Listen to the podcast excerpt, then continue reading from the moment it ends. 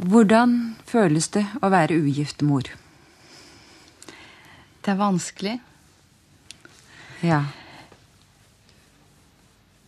Man føler seg eh, på en måte annerledes enn andre. Og en står nokså alene.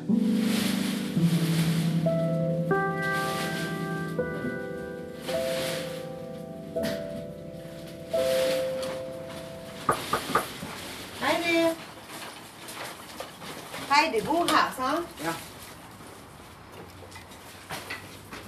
Oi, der var den. Å, så fine dere var der. Rakel Greppheimen. Et pent og hensiktsmessig institusjonsbygg. Fire etasjer i rød teglstein. Rett ved Ringveien på Tåsen i Oslo. Her var det barnehage i sin tid. I en lav sidefløy flere hybelleiligheter på rekke. Foran dem Alice Gulden, en veteran fra mødrehjemsbransjen i fargerike klær. Her har altså Heidi flyttet fra sin leilighet her, ut her fordi at vi skal stenge hovedbygningen. Det var vel eh, to uker etter fødselen i november, da. Så jeg har vært her siden da. Det betydde jo veldig mye, det. Vi fikk jo god hjelpestøtte og veiledning og råd. Men jeg har bodd her fra før av med tidligere barn. Så det var veldig godt å komme tilbake igjen. Så det er veldig vanskelig, for jeg hadde jo ingen. Det er liksom andre gang jeg ikke har hatt noen, og så det visste jeg, Da hadde jeg ikke visst hva jeg skulle gjort. Det er er så synd at det skal legges ned. Jeg var jo på Nav hele sommeren for å prøve å få hjelp der, men det hjalp jo ikke. Søkte jeg hit med en gang. Jeg gulper nesten. Får ikke gulper. De argumenterer med at barn skal ikke bo på institusjoner. Eh, De skal hjelpe familiene der de er, der de bor. I sitt nærmiljø, i sine hjem. Og det er en veldig god tanke. Men jeg mener at eh, for noen familier så trenger de heldøgnstilbud i en periode. For det innebærer å kunne lære seg å holde avtaler, lukke opp døren når det ringer på, betale regninger så de i det hele tatt har en leilighet. Mange av de familiene som kommer til oss, kan ingenting av dette. Så vi må lære dem døgnrytme. Stå opp om morgenen. Barn på den alderen skal ha mat så og så ofte. De andre skal ha sånn og sånn.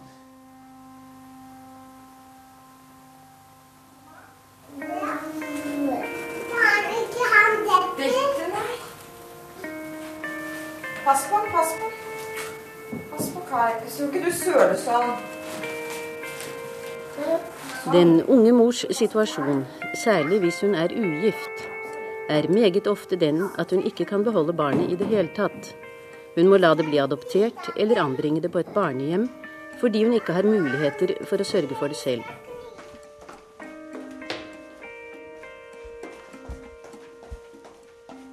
I 1967 ble Rakel Greppheimen åpnet av Arbeiderpartikvinnene. Et Norge i miniatyr med 22 hybelleiligheter. I solidaritet med den ugifte mor, som opplevde skam eller hadde få muligheter til å klare seg.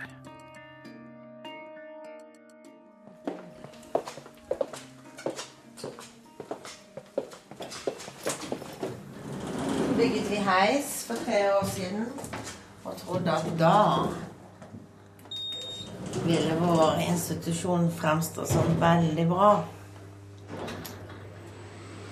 Men det hjalp ikke. Nede i kjelleren er gamle vevde veggtepper og puter ryddet bort.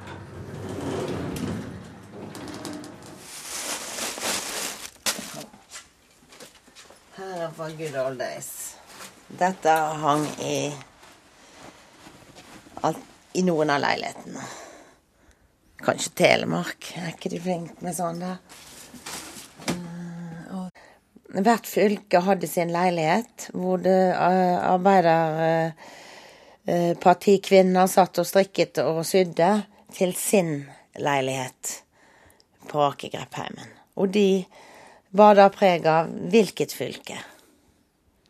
Finnmark, Telemark mm. Hallingdal, sikkert. De fleste norske barn blir i dag født av kvinner som er under 24 år, og det blir stadig flere mødre i alderen 14 til 19.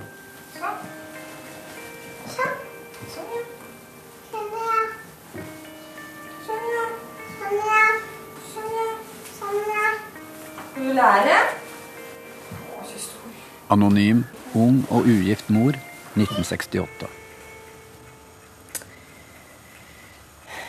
det er det at uh, Man syns man blir ensom mange ganger.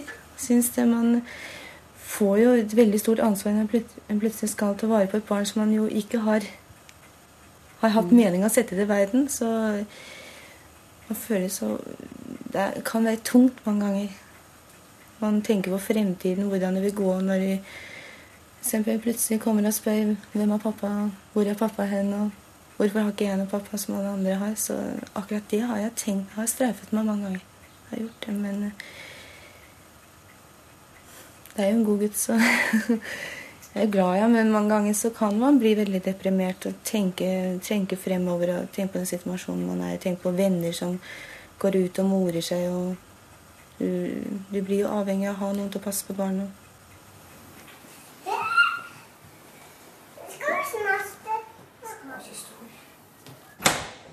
Sånn så leiligheten ut i gamle dager.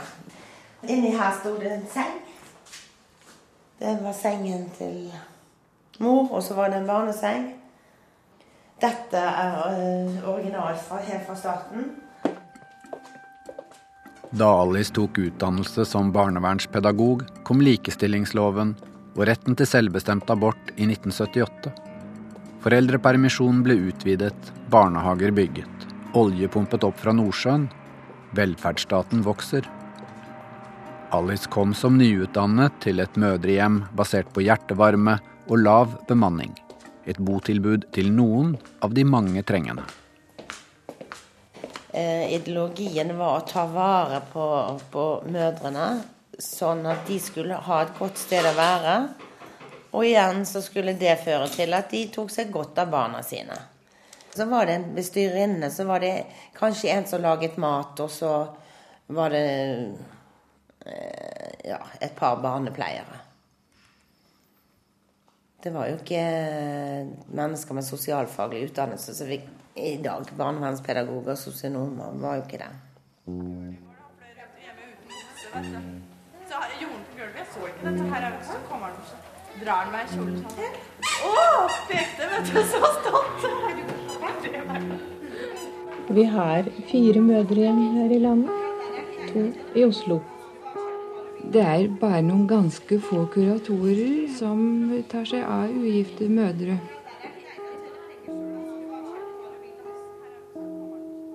Det å ta seg av alenemødrene ble etter hvert en oppgave for staten. Rakel Greppheimen tilpasset seg en endret virkelighet. En mer profesjonell omsorg. Barna i sentrum. Alle de barna som pleide å leke i, i, haven her på denne tiden, de elsket når det var sommer. og Det var, det var som en stor barnehage. Yrende liv. De klatret på taket, og de kjørte bussen. og Jeg måtte ofte stoppe midt der for å bare høre lydene. Det var så Mm, så bra. Man gledet seg å gå på jobb. Her var det mange som jeg mente fikk et mye bedre liv ved å kunne få hjelp her en tid. Og nå er det tomt. Mm. Nei, det er for trist. Det orker jeg ikke snakke om. Sånn.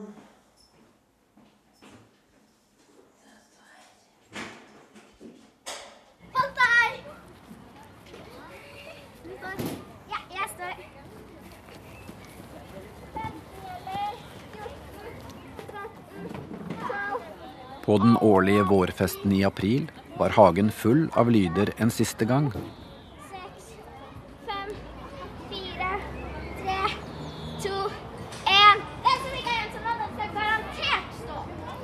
Et stort tuntre, sandkasser, dokkehus, en stor rød buss i tre. Tidligere beboere på besøk, med barn som har vokst seg store. Det er litt rart å se han sværingen løpe rundt her igjen. Jeg må si det. Det er vel halvannen meter siden. En fjerdedel av hagen var kjøkkenhage. Vi dyrka forskjellige ting. Det begynte om våren med sukkererter og reddiker og sånn. og det, det var fantastisk. Vi hadde fine høstfester her. Vi hadde en som jeg og en annen tok regi for underholdninga. Der vi hadde jo et helt Vi fikk med vaktmesteren og kona hans på mange ting, og det, det var super, supersosialt. Det, det var noe med det å lære ungene òg. La de få lov å grave litt i jorda og være med på å spise ting de hadde dyrka. Det var kjempespennende, ikke sant.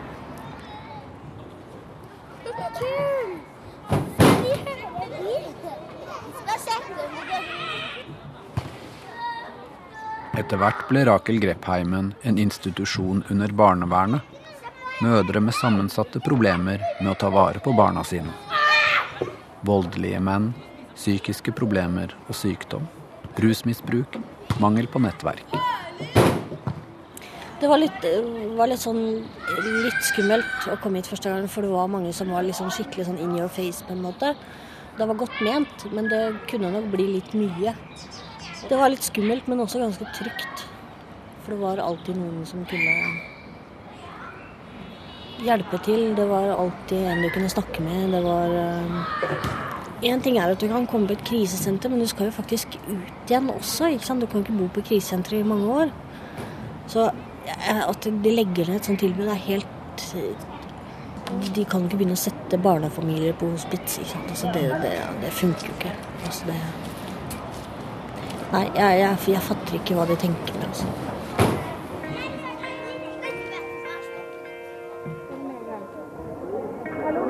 Dessverre det er?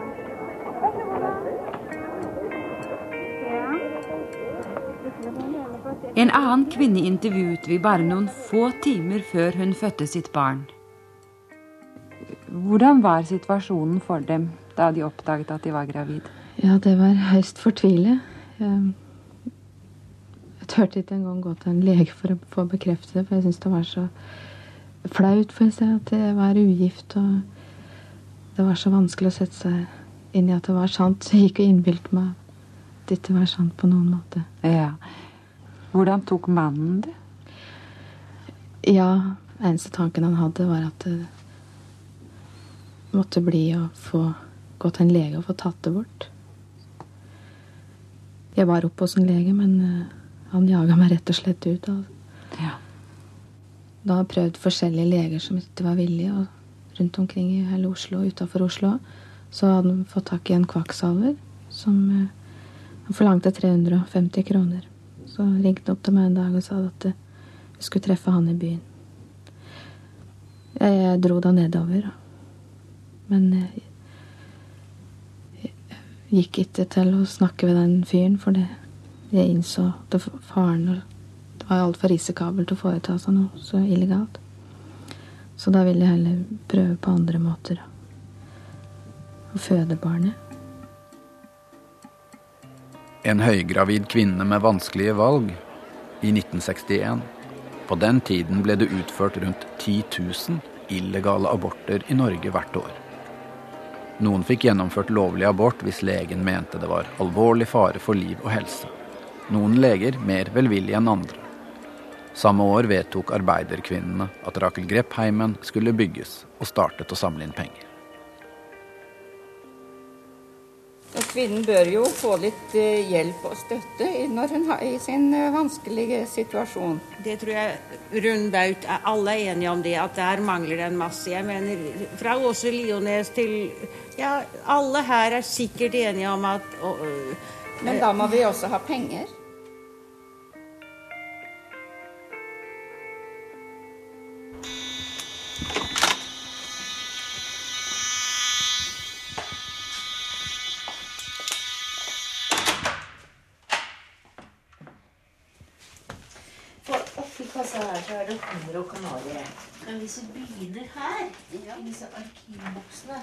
Så tror jeg at her fant vi fra tidenes morgen På Rakel Greppheimen går sjef Ingrid Kviberg og styreleder Inge Grete Solstad gjennom gamle permer og papirer.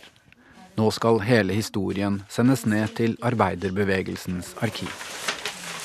Her står det litt morsomt. da. Og så har vi kommet oss gjennom tre kvartaler av dette året. Her er inkludert en deilig sommer med grønn og fin plen og blomsterflor i bedene.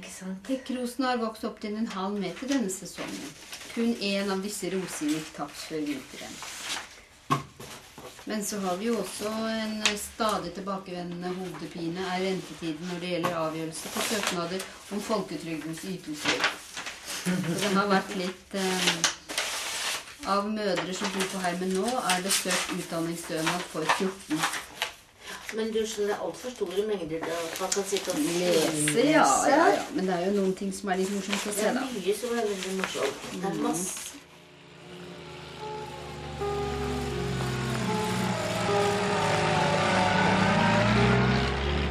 Daglig leder Ingrid fikk selv barn utenfor ekteskapet. Nei, Min egen opplevelse var at jeg selv var eh, ugift mor da jeg var 17 år. Og at det var i 1967, altså samme året som de åpnet her. Så det var jo litt eh, sammentreff, da. Jeg bodde selv i Oslo. Og kom fra et radikalt hjem og levde i et radikalt miljø. Men eh, jeg husker godt at jeg f.eks. når jeg skulle løfte barnevogn på bussen, så hadde jeg en sånn ring som jeg kunne snu rundt, sånn at den da fra oversiden så ut som en giftering. Og at det var liksom noe jeg gjorde fordi jeg da følte meg mindre beglodd enn eh, uten ring på hånden.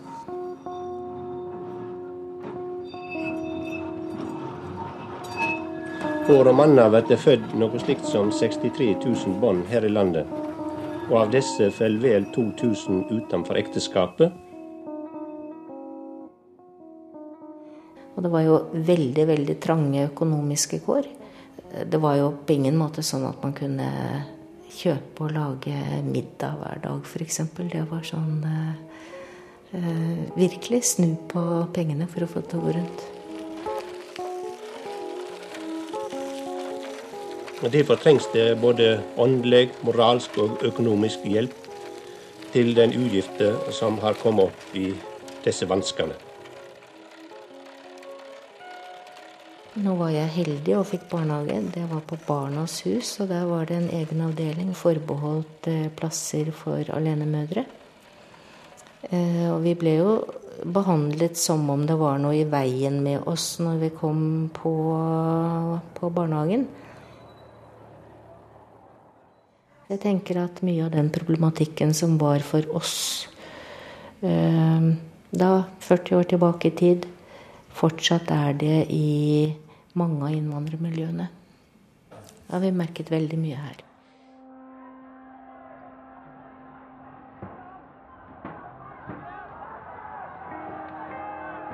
Etter lang debatt kom en ny abortlov i 1964. Gradvis fikk nesten alle som søkte til en nemnd, lov til å avslutte svangerskapet. P-pillen kom på markedet. Litt etter litt. Seksuell frigjøring. Make love, not war. Men denne liberaliseringen kom for sent for den høygravide kvinnen fra arkivet. Jeg skrev brev på brev, altså, men de brente opp, og jeg turte ikke skrive hjem igjen. Jeg ville ikke på noen måte skuffe foreldrene mine, for de hadde, har i alle år hjulpet meg fram til å få en utdannelse. De har det ikke så godt økonomisk sjøl, så jeg vet at det er et stort offer for dem. Turte ikke reise meg til, for det kunne jo synes på meg. Så ringte mora mi til meg en, en kveld. Da hadde jeg hatt sine mistanker om at det var noe alvorlig om å gjøre, så spurte jeg meg i telefonen da hva det var. Om det var noe ekstra. Nei, sa jeg. Jeg turte ikke si noe i telefonen. Men så ba jeg meg komme hjem igjen, da så fort som råd var. Så jeg reiste hjem igjen, og da gikk det jo bra. Ja. De viste stor forståelse. Det var hjemme en tre ukers tid. Da lå jeg mesteparten og klarte ikke å stå på senga. Sov dårlig om natta. Marerittet. Turte ikke gå ut i hele tatt. Jeg klarte ikke å ordne opp i noen ting, slik at uh, mora mi måtte gå til distriktslegen, slik at han ordner med at jeg kom på mødrehjemmet, som jeg nå er på.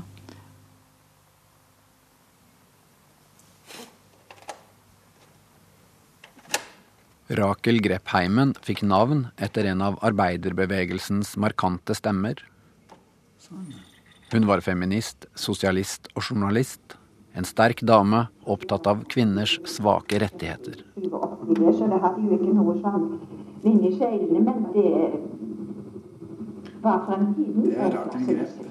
Er det det? Var det rart å høre henne? Ja, det Jeg har ikke Ja. Du har et nært forhold til navnet i mange år, da? Ja, veldig nært forhold til det. Det er en arv her. Rakelgrep har vært positiv i all sin ferd. Da Arbeiderpartiets kvinneforening i Kristiania i 1919 tok opp arbeidet for å få et feriehjem for overarbeidede, slitne husmødre, for at de gjennom et styrkende landopphold kunne vinne tilbake sine krefter, var Rakel Grepp formann i innsamlingskomiteen. Arbeiderpartiets kvinnebevegelse, som grunnla dette mødrehjemmet, la seg selv ned for noen år siden. Det var oppnådd full likestilling i Arbeiderpartiet. Hvis du snakker med unge kvinner i Arbeiderpartiet i dag, så har ikke de den bevisstheten rundt denne institusjonen som f.eks. jeg og de som er i min generasjon har, og eldre. Så jeg føler jo veldig sterkt vemod på det her, men eh, men det er jo For det første så er det jo ikke politiske partiet driver med politikk, og ikke en institusjoner. Alt i 1909 kjempet aktivister som Katti Anker Møller igjennom barselpenger. Seks uker med lønn etter fødsel. Da Katti Anker Møller arbeidet for å få opprettet mødrehjem her i landet, arrangerte hun en konsert i aulaen hvor Nina og Edvard Grieg skulle spille og synge. Det var nesten ikke mennesker på den konserten. Litt senere stillet dronning Maud seg i spissen for, som beskytter for en slik konsert. Og da var hele universitetets festsal stappende full av mennesker. En del av de som havnet i ulykka, var tjenestejenter som ofte måtte adoptere bort barna. Fra arkivet. En kvinne tenker tilbake på sin tid på mødrehjem på 1930-tallet. Vi var samfunnets bæremid. Heldigvis at vi holdt nå sammen med jentene da og flirte noe av dette her. Og vi hadde et, et barn som var født utenfor ekteskap. Det var et uekte barn. Men så sa jeg nei, vi får nå gå opp og se til disse imiterte ungene våre, sa jeg. Og bestyrerinna så at hun imiterte barn. Ja, uekte og imitert betyr ikke det det samme, det da, sa jeg. Så vel, det var hun visst litt enig med. Ellers var hun snill og grei, men hun tillit at folk i byen fikk gå rundt omkring på rommene. Vi var fire jenter og fire barn på hvert rom. Og hun tillot dem, uten å spørre oss om lov, De å gå rundt omkring og se på oss. Og se på ungene. Se etter se et fint barn, og, og se etter det og det barnet skulle de ha. og det sa jo ikke til oss, de presenterte seg ikke. De bare nikka og smilte og så nedlatende på oss. Og da satt vi kanskje og ga båndene våre bryst og følte oss svært audmjuka. En generasjon senere er sikkert noe endret og noe helt likt. Vår høygravide kvinne fra 1961 står overfor viktige valg.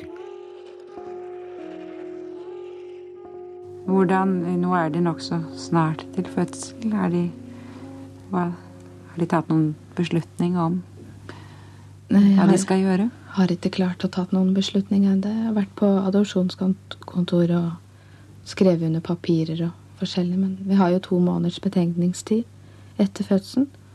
Da barna blir plassert på spedbarnhjem. Det blir kanskje lettere å ta avgjørelsen etter fødselen enn det er nå.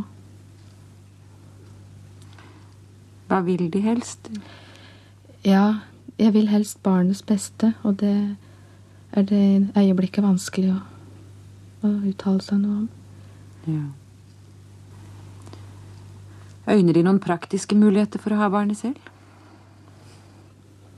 Ja, det måtte være å ha det på et spedbarnhjem og barnehjem, og Tellen hadde fått den utdannelsen, ferdig med utdannelsen, slik at den kunne ta barn til seg sjøl og,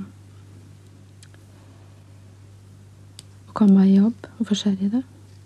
Men det er veldig blir jo veldig liten kontakt mellom barn og mor når eh, barnet skal være på spedbarnhjem og barnehjem.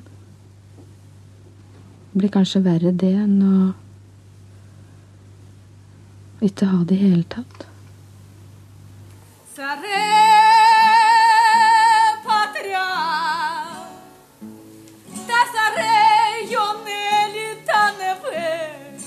Og så skal vi uh, fortsette med å invitere Raja inn i studio igjen. Raja.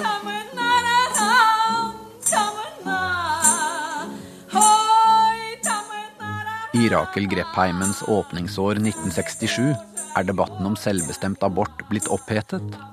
I programmet Åpen post sitter menn med sigaretter og kvinner med høye stemmer. Vi, vi, kan tenke, vi kan, vi kan, vurdere, og det er selvfølgelig at et foster er noe som kan bli et barn. Det vet da vel vi som har barn. Men vi har også lov til å se hva ventes dette barnet når det kommer til verden. Altså, Professor Iversen sier at kvinnen skal få lov å delta, storartet, ja. men som observatør. Nei, ikke som observatør. Hun er hoveddeltaker i dette problemet, selvfølgelig. Ja, og de har ha vetorett. Ikke legen. Men Nei, men vi har da, Hvis jeg mener at fosteret har uh, menneskerettigheter, så kan ikke en kvinne ha rett til å bestemme over sine barn.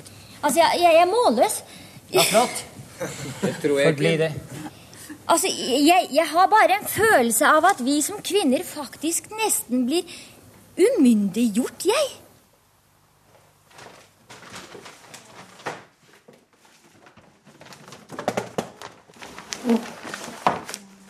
Her er det masse bilder eh, fra tidligere beboere som jeg har fått lov å henge på veggen. Som eh, takk for denne gangen, liksom. Inne på kontoret for miljøterapeutene på Rakel Greppheimen i Oslo. Det er veldig koselig å ha. Lise Trulsen pakker ned. Og da husker jeg det mye bedre, da. Siste dag etter snaut 20 år. Dette er jo sangbøker, da. For jeg har hatt sånn sangstund hver uke med barn. Så jeg vet uh, hører med rytmeinstrumenter. Så har jeg spilt gitar. Så. I løpet av den tiden Lise har jobbet her, har Norge blitt et mer og mer flerkulturelt samfunn. Mange som har bodd her som ikke kan lese. Og mange som har bodd her som ikke kan norsk. Og det er jo Bæ bæ lille lam og Mikkel Rev veldig fint å lære, da. Og Fader Jakob. Fader Jakob, det er en sang som er på veldig mange språk. Så da har vi sunget, og så, og så um, har de sunget det på sine språk, da. Somalisk og mm. Men hvis du ser her borte, så, så hadde da, da, jeg begynte her, så var det disse sangheftene, da. Uh, her er det Internasjonalen og Ola Tveiten og skikkelig sånn voksen, voksensanger, da. Her er Barna Regnbuen, forresten. We shall overcome. Mm. Så det var mot i brystet. Mm. Ja, vi elsker dette landet. Hva skal jeg gjøre med det? Ta den med hjem og ha allsang?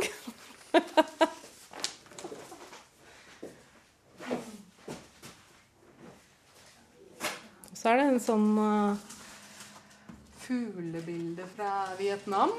Det er en sånn takk for presang til Rakel Grepp. Og så var det noen sånne unge miljøterapeuter som skulle shine opp kontoret. De tok og kasta ned søpla. Og så fant jeg den der og tok den ut igjen. Den kan ikke kastes, ut. Mm.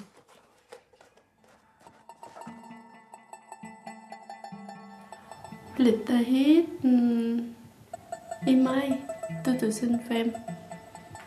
Fordi jeg har ikke ophold til at sende seg. Jeg har ikke penger fra mm, sosialhjelp. Heldigvis jeg kom hit, og andre hjelper veldig mye. Veldig koselig. Lære å lage middag. Veldig god mat. Kjempegod.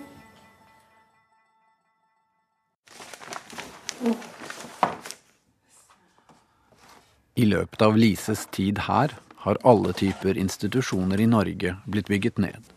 Og tanker om konkurranseutsetting og anbud har vokst seg sterkere. Altså, Rakel Grip har jo vært trua av nedlegging eh, ja, nest, jevnt og trutt.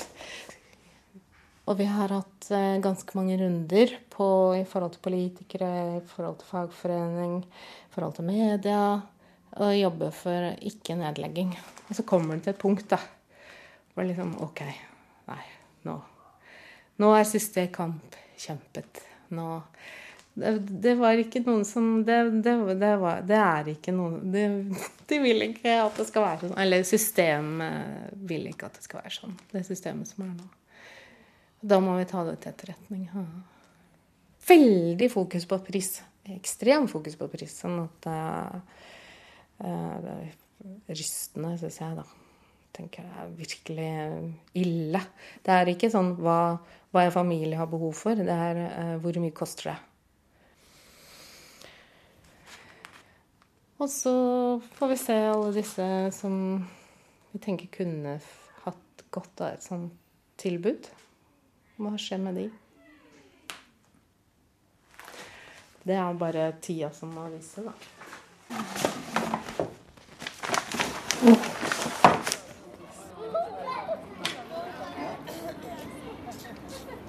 Rakel Greppheimen har forsøkt å tilpasse seg et marked der kommuner og bydeler skulle kjøpe plasser.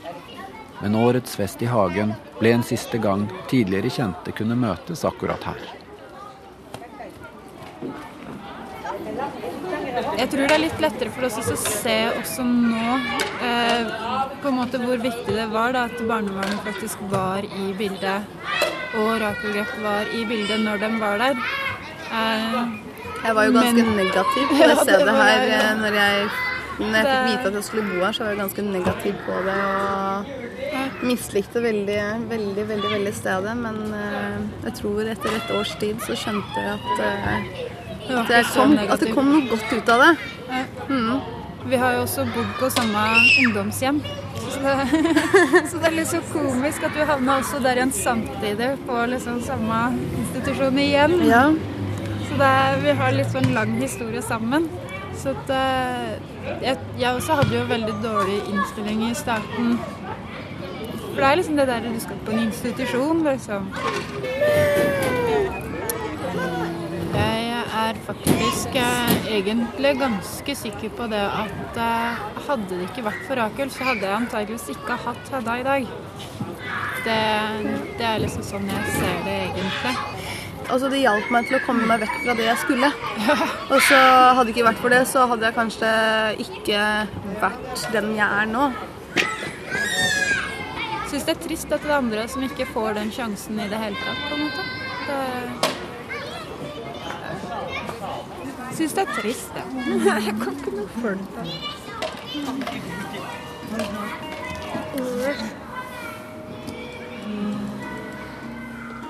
Og Derfor så trenger vi slike mødreheimer som kan være laga slik at, at mora har høve til å være sammen med barnet så mye som hun er, og der hun kan kjenne seg trygg på alle måter.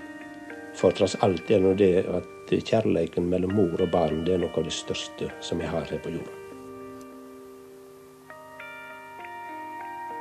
Men vår høygravide ugifte kvinne i 1961 har ennå ikke blitt kjent med sitt barn.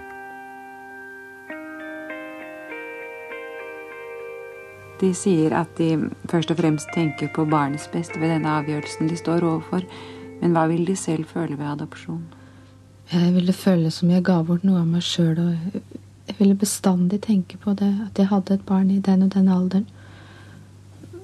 Jeg ville føle det fryktelig bestandig. Da jeg ser småbarn nå, så klarer jeg å holde tårene tilbake. Det var en dag jeg så to veldig søte, og da begynte jeg å gråte. Følte meg veldig nedfor. Og det å skulle gå til en fødsel og være i tvil er kanskje hardt. Tvil om hva man skal gjøre. Ja, det, når en veit at en har en lønn for strevet og kan få barnet ved siden av seg etter fødselen, kan tåle mye mer smerter og tåle det utrolige. Men nå kanskje det blir adopsjon, og da syns alt så meningsløst.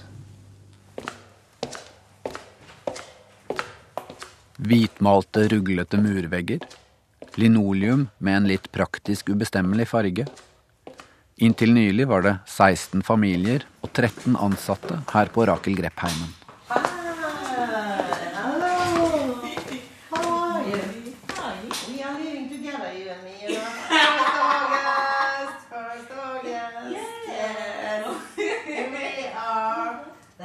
Alice Gulden møter en av beboerne som fremdeles venter på nytt sted å bo. Dette er et rom eh, hvor vi har pent brukt tøy som eh, beboerne kan benytte seg av. Og de kan levere tøy som er for lite, de ikke vil ha, og så ta med seg noe annet. Helt gratis. Mange belter du har. Belter. På belter. norsk belter. Belter. What do you think, baby? Uh, ooh, good, good. Hello. Hello. Is, is she speak English? Does she speak norsk? Ah, du snakker norsk. Det er bra. Du snakker norsk. Det er bedre. Ja. Hun er norsk. She's got a Norwegian passport. Yeah. Yeah. That's good.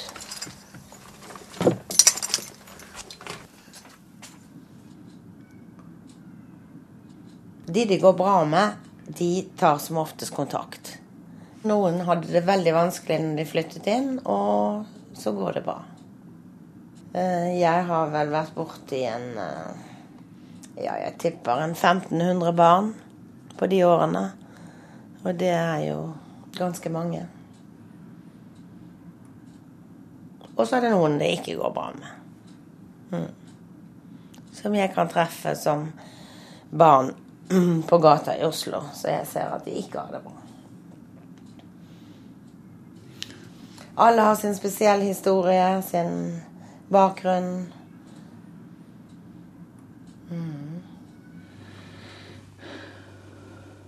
Ja. Det er jo mange som mener at det er absolutt en stor skam å få barn utenfor ekteskap, men eh, Og ser ned på de ugifte mødrene.